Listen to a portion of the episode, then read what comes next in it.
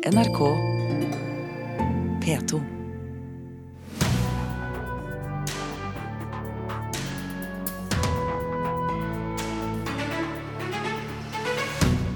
Musikksjefen i Operaen får over én million kroner i etterlønn.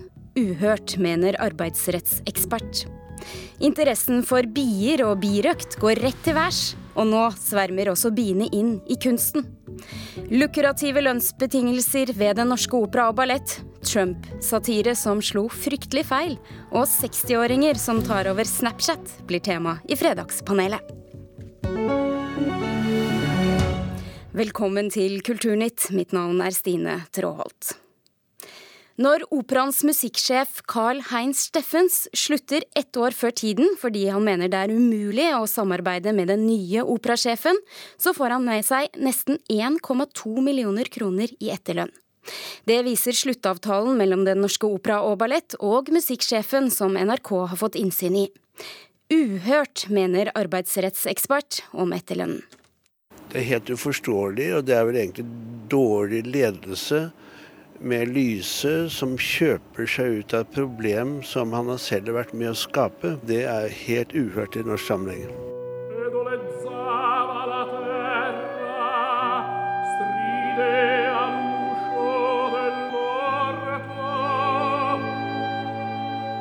Å dirigere operaen Tosca av Puccini er noe av det siste som musikksjef Carl Heinz Steffens gjør ved Den norske opera.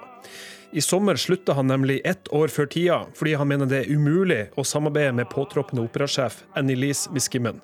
NRK har fått innsyn i sluttavtalen mellom musikksjefen og operaen, hvor det står at Steffens får med seg 125 000 euro, opp mot 1,2 millioner kroner, når han slutter. Mesteparten av etterlønna får Steffens for å dirigere noen forestillinger for operaen til høsten. Det synes Jan Dege er uhørt. Tenk deg statsminister Solberg. Ja, hun har 130 000 kroner i måneden.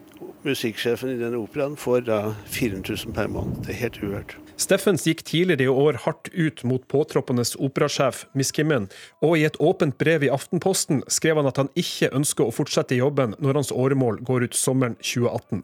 Men denne uka ble det kjent at Steffens slutter som musikksjef allerede i sommer. Likevel skal han i høst dirigere noen oppsetninger av Tosca, samt operaorkesterets turné til Helsinki og København.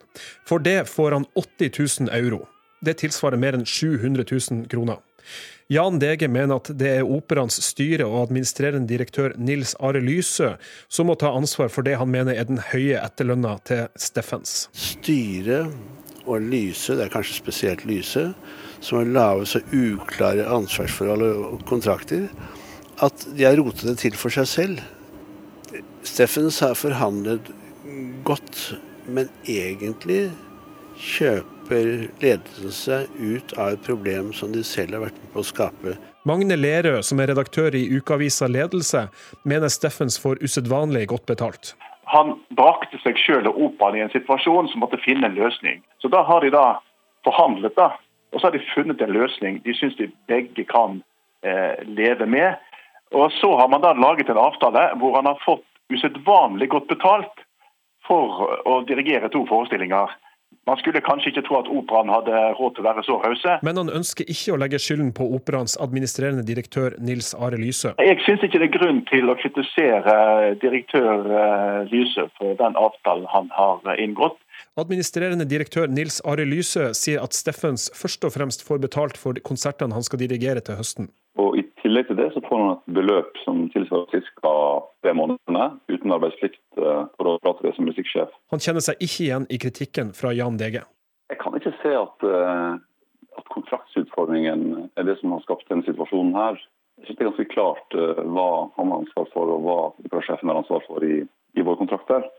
Så det, det synes ikke jeg, det kjenner jeg ikke meg igjen i. Og NRK har også vært i kontakt med operaens musikksjef Carl Heinz Steffens. Han ønsker ikke å kommentere denne saken.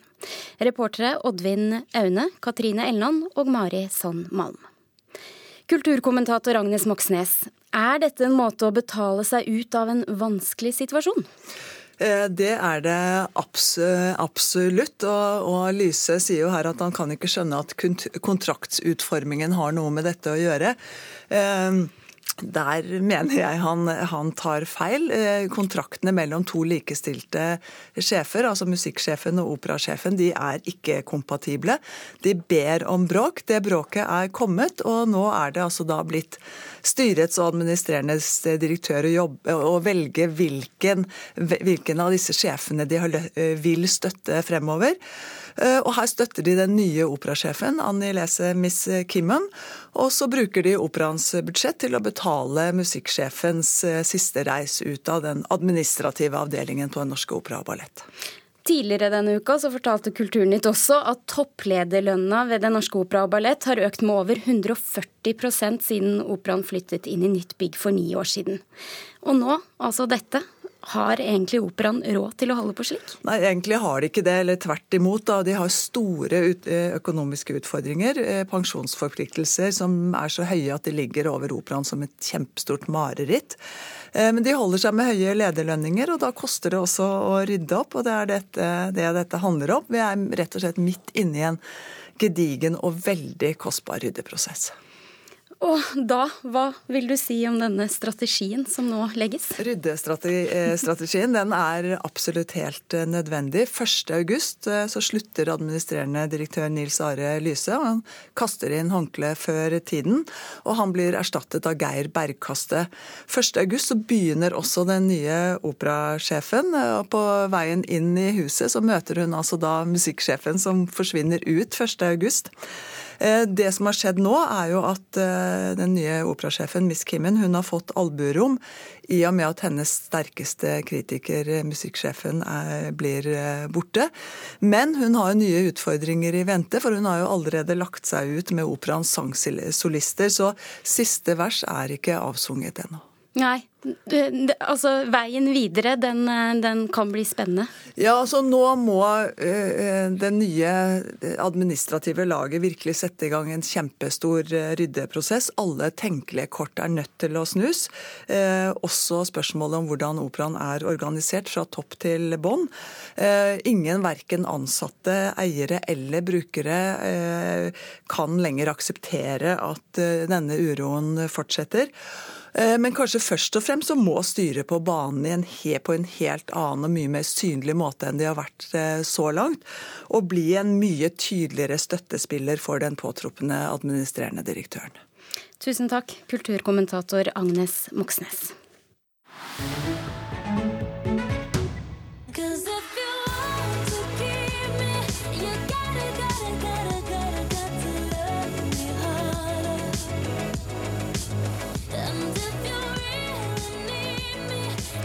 Ja, dette er Ariana Grande med låta 'Love Me Harder'. Og støttekonserten som artisten holder i Manchester sammen med en rekke stjerner førstkommende søndag, blir vist på NRK3. Konserten blir holdt for å hedre ofrene etter terroren som rammet Ariana Grande-konserten i Manchester natt til tirsdag forrige uke. En selvmordsbomber detonerte en bombe like utenfor Manchester Arena. 22 mennesker ble drept og minst 60 såret. Konserten One Low Manchester holdes på cricketbanen i Old Trafford, og Ariana Grande får med seg en rekke verdensstjerner som Miley Cyrus, Coldplay, Justin Bieber, Take That og Katy Perry. Interessen for bier og birøkt har økt kraftig de siste årene. Og nå merkes det også i kulturen.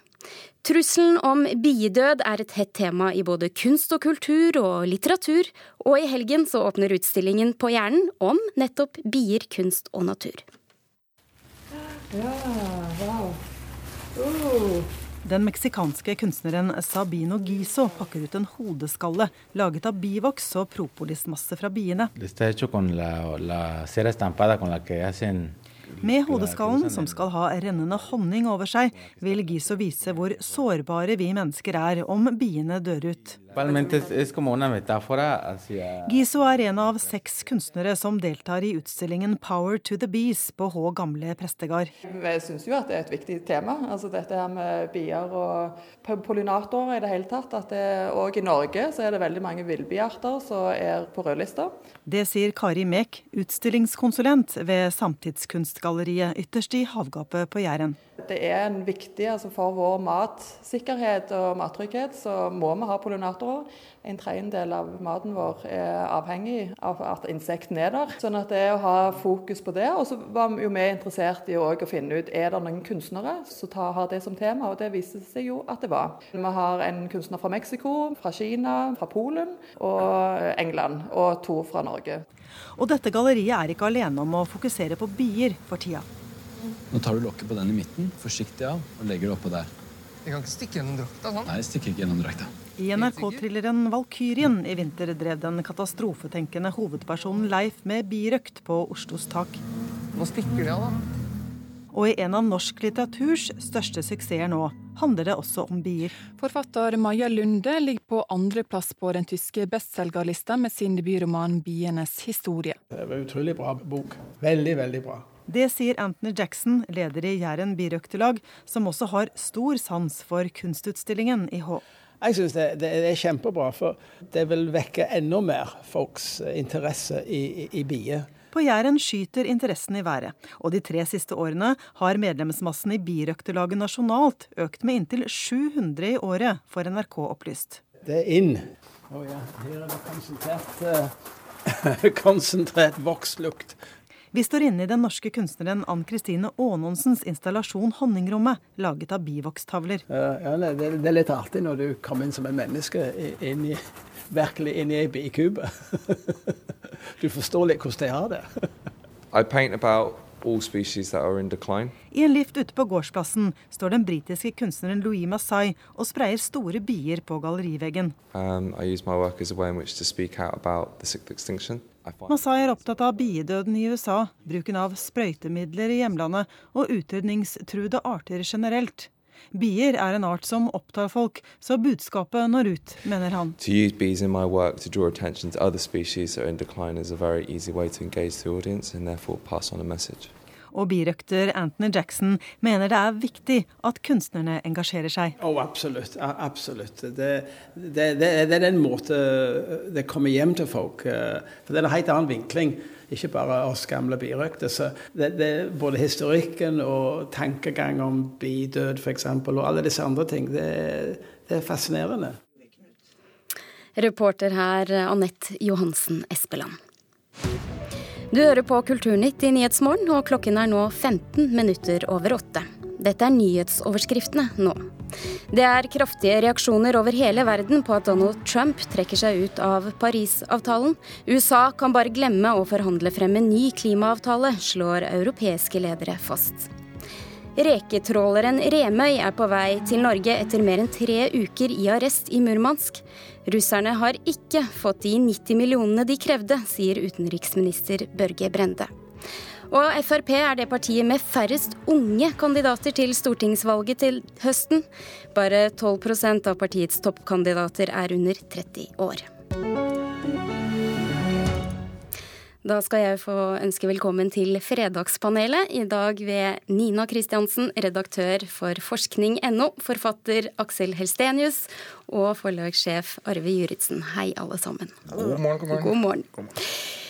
Vi begynner i dag med denne morgenens toppsak i Kulturnytt. Musikksjefens gode etterlønn hørte vi om. Og så tidligere i uka så hørte vi om at Kulturnytt fortalte om topplederlønnen ved Norsk Opera Ballett, som har økt med over 140% siden operaen flyttet inn i nytt bygg for ni år siden.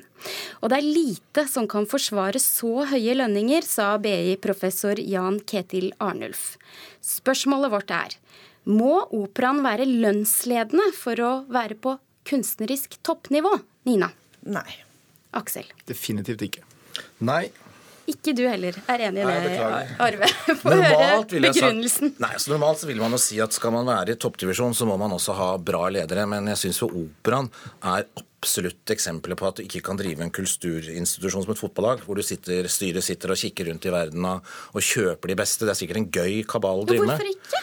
Nei, Nå har vi jo sett at gang på gang på gang så går det rett på ratata. Eh, er, man bygger ikke en organisasjon. Man forstår ikke å sette sammen når man kommer utenfra, som en del av disse har gjort. Og så synes jeg det er helt tydelig hvordan man skal gjøre det. Altså Hvis du ser på Ingrid Lorentzen, som kommer fra det største vepsebolet i det store vepsebolet Operaen, altså danserne, og får til å bli en god leder fordi hun har de talentene, og noen har sett, styret har sett det talentet. Samme ser vi ved Nasjonale Scene i Bergen og Nationaltheatret, hvor man også rekrutterer kunstneriske ledere som også kan administrere.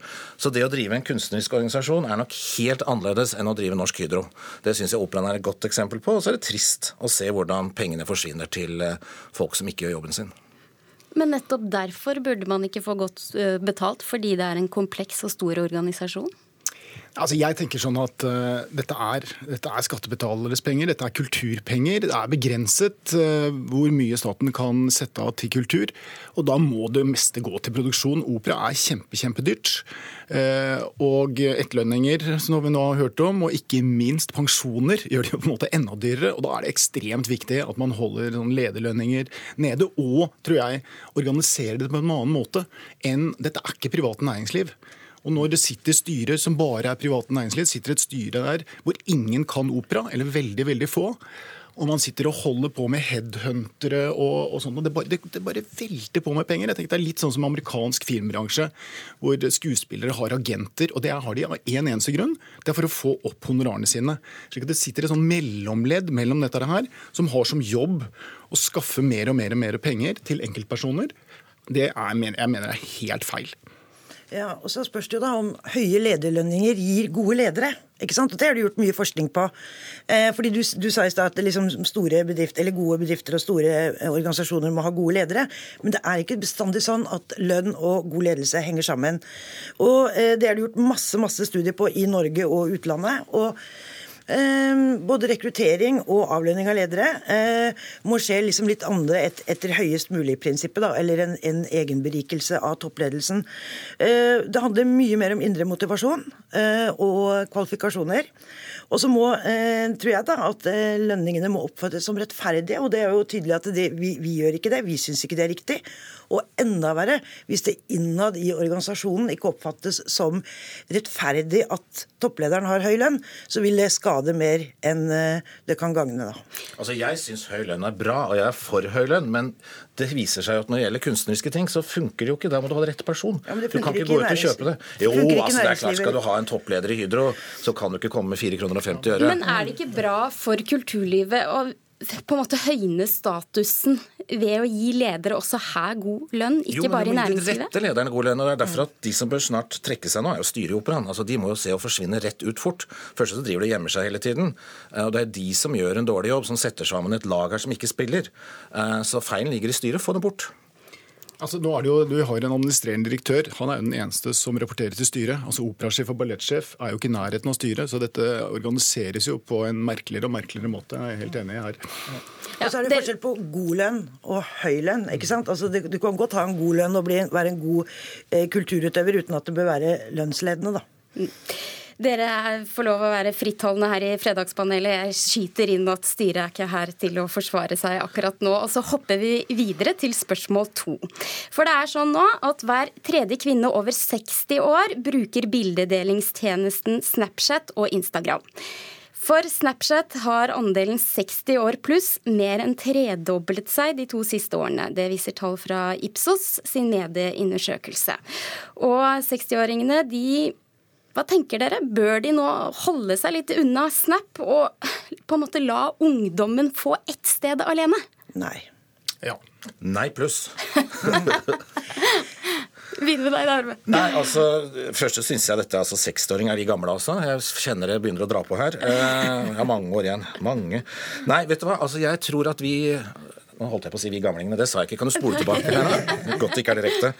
Eh, de som er gamle, det, altså at de er på Snapchat og sånne ting, det er ganske lurt. fordi at da vil jo ikke ungdommen være der lenger, som du sier. Og hva skjer da? Jo, da finner de smarte programmererne på noe nytt. Mm. Så det at gamle går inn på hippe, kule ting, pusher grensene til å skape nye ting, tenker jeg. Så jeg vil oppfordre nå alle over 14 til å logge seg på Snapchat, og spesielt eh, vi som er over uh, Ja, Hva bruker du Snap, 29. Snap til, Arve? Oh, nå skal jeg liksom virke litt kul, nå skal jeg være ærlig. så syns jeg Snapchat er noe ordentlig møkk. Jeg syns det er eh, kjedelig, og det forsvinner altså, nå, skal jeg si, nå skal jeg si noe dumt. Det forsvinner så fort i bilen, jeg får ikke med meg. Så da vet du hvor ung jeg er. Søren også. Jeg, tenkt å, ja. jeg kan ikke ljuge på meg den der, altså. Var det du som var eh, uenig i dette? Ja, jeg mener ungdommene bør ha noe. Altså, jeg, jeg, tenker, jeg er ikke på Snapchat, ikke på Instagram, og jeg er på Facebook og litt annet. Og jeg ser jo at for det første går det altfor mye tid på det. Og det at man har enda flere sånne applikasjoner og sånt, nå gjør at man bruker enda mer tid. Så jeg er jo sånn moralsk indignert overfor dette som rett og slett bare gjør oss enda mer avhengig. Altså, dette er jo et dop. Eh, det ser jeg jo når du ser på bussen og sånt nå. Jeg syns det er interessant å sitte og se Når jeg tar en god del buss og sånn, så ser jeg hva folk sitter med. og jeg, ok, jeg det er sikkert noen som leser avis på mobilen sin også. Men menn i 40-50-årene de sitter og spiller dataspill på, på bussen innover. Ungdommen er jo på Snapchat og Instagram. Det, bare, det kommer 100 000 bilder i løpet av eh, noen få minutter. Jeg tenker, Det er jo ikke bra for det. Jeg er moralsk, altså. Jeg vet jeg er skikkelig moralsk. Jeg, men så, jeg ble så glad for at du sa det. Ja. Nå kjente jeg meg unge Men samtidig. Grunnen til at jeg sa ja til at ungdommen skal være Når det brukes som kontroll, og det ser jeg nå ser jeg at om selv igjen, at du bruker disse mediene for å ha kontroll på ungene dine, sjekke hva de sender, få det tak i dem og sånt noe. Nei, nå er du naiv. De sperrer deg jo. Tror du at du får litt å se på hva de Nei, sender? Kan, du jeg, dette her er jo sånn hør dinosaurene snakke. Altså. Det, er jo, det er jo interessant som fenomen, men hallo, liksom. Jeg håper noen teiper det, sånn at vi har det for ettertida. Men det, det som skjer da, når eldre generasjoner går inn på sosiale medier, så dannes det parallelle arenaer. ikke sant? Sånn som Det har skjedd på Facebook allerede. Nå er de eldre synlige, mens ungdommene holder seg skjult i grupper og chat. Det, som, det blir som et sånn shoppingsenter. Du kan ha mange generasjoner inne på et shoppingsenter, men det betyr ikke at de begynner å henge sammen eller kjøpe de samme tinga. Men så har jeg også lyst til å si noe om sånn kvinner over 60, akkurat som det er en trussel. Dette er, dette er jo damene som er født på 50-tallet. De er jo teknologiutviklingens mestere. De har jo gått fra liksom grammofonen til strømming, fra sånne uh, sentralbord og én uh, telefon per 100 husstander til liksom 100 telefoner per husstand.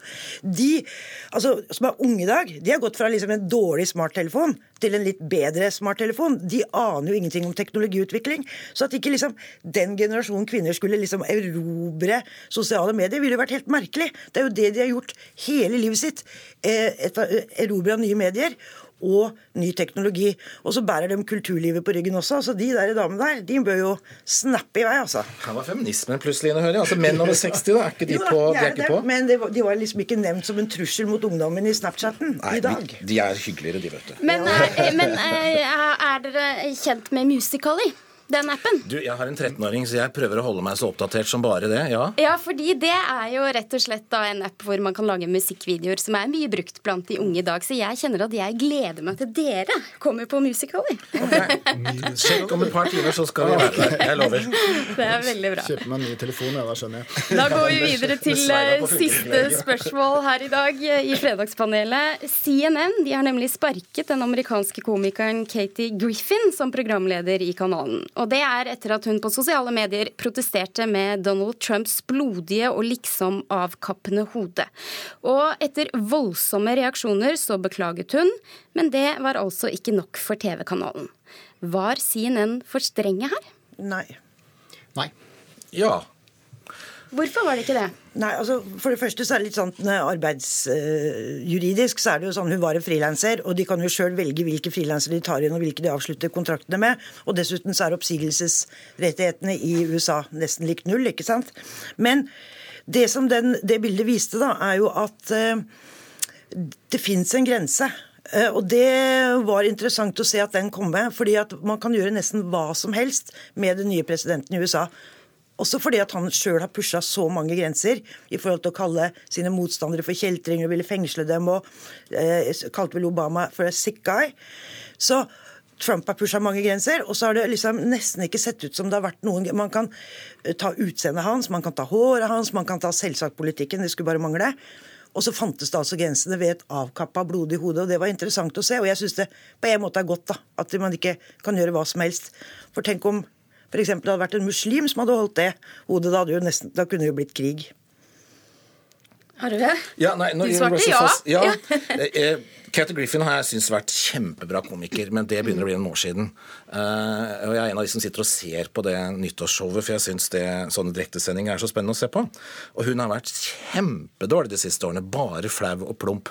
Så det CNN gjør her, er jo å bruke en gyllen anledning til å se fine ut for å kvitte seg med en som ikke leverer lenger, tenker jeg. Derfor så svarte jeg at ja, de var for strenge. De kunne mm. bare sagt at hun er for dårlig. Mm. Det, og dette stuntet er jo ikke morsomt heller. Uh, så jeg tenker at her Det er ikke morsomt, men samtidig så satire er jo en uh, hårfin, vanskelig balansegang. Uh, selv om jo, man er enig om at dette var over streken. Men det er jo ikke alltid like lett som komiker å se Nei, De altså, prøver altså, jo hele tiden å tøye grenser. Ikke, ja, nettopp. Og det er ikke noe gøy. altså Det å tøye grenser er vi så ferdig med. Det liksom, tenker jeg, altså Komikere som tøyer grenser, det er komikere som er på rutsjebane nedover. Uh, og jeg så ikke noe satire i det. Jeg så ikke noe satire i dette bildet. Det var bare dårlig og kjedelig. sjokkerende, men ikke noe, noe snert i hele tatt. Ja, altså Jeg er jo ikke noen Trump-fan. Det er vel ikke så mange i Norge som er. Men allikevel så tenkte jeg, så prøvde jeg å oversette dette og se hvis dette er Erna Solbergs hode, da. Hvis det er noen av våre komikere som gjør dette her Jeg vet jeg har veldig veldig vanskelig for å se det for meg. Og ta Obamas hode. Du var liksom inne på muslimer. altså En hvit som holder et svart hode, for eksempel. Altså, det er ikke bra.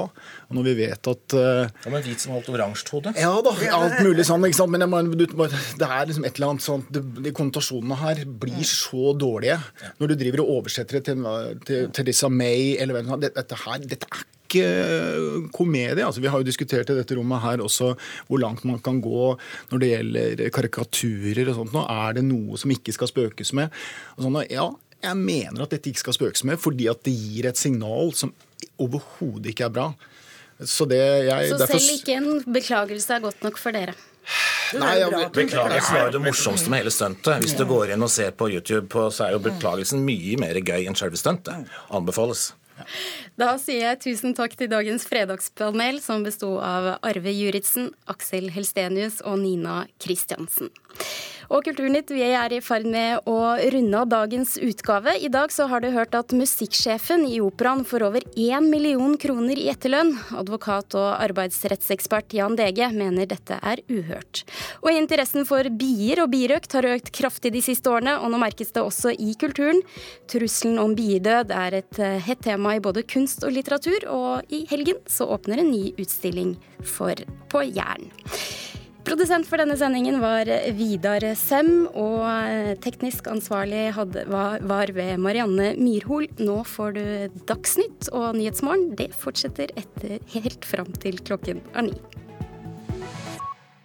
Hør flere podkaster på nrk.no podkast.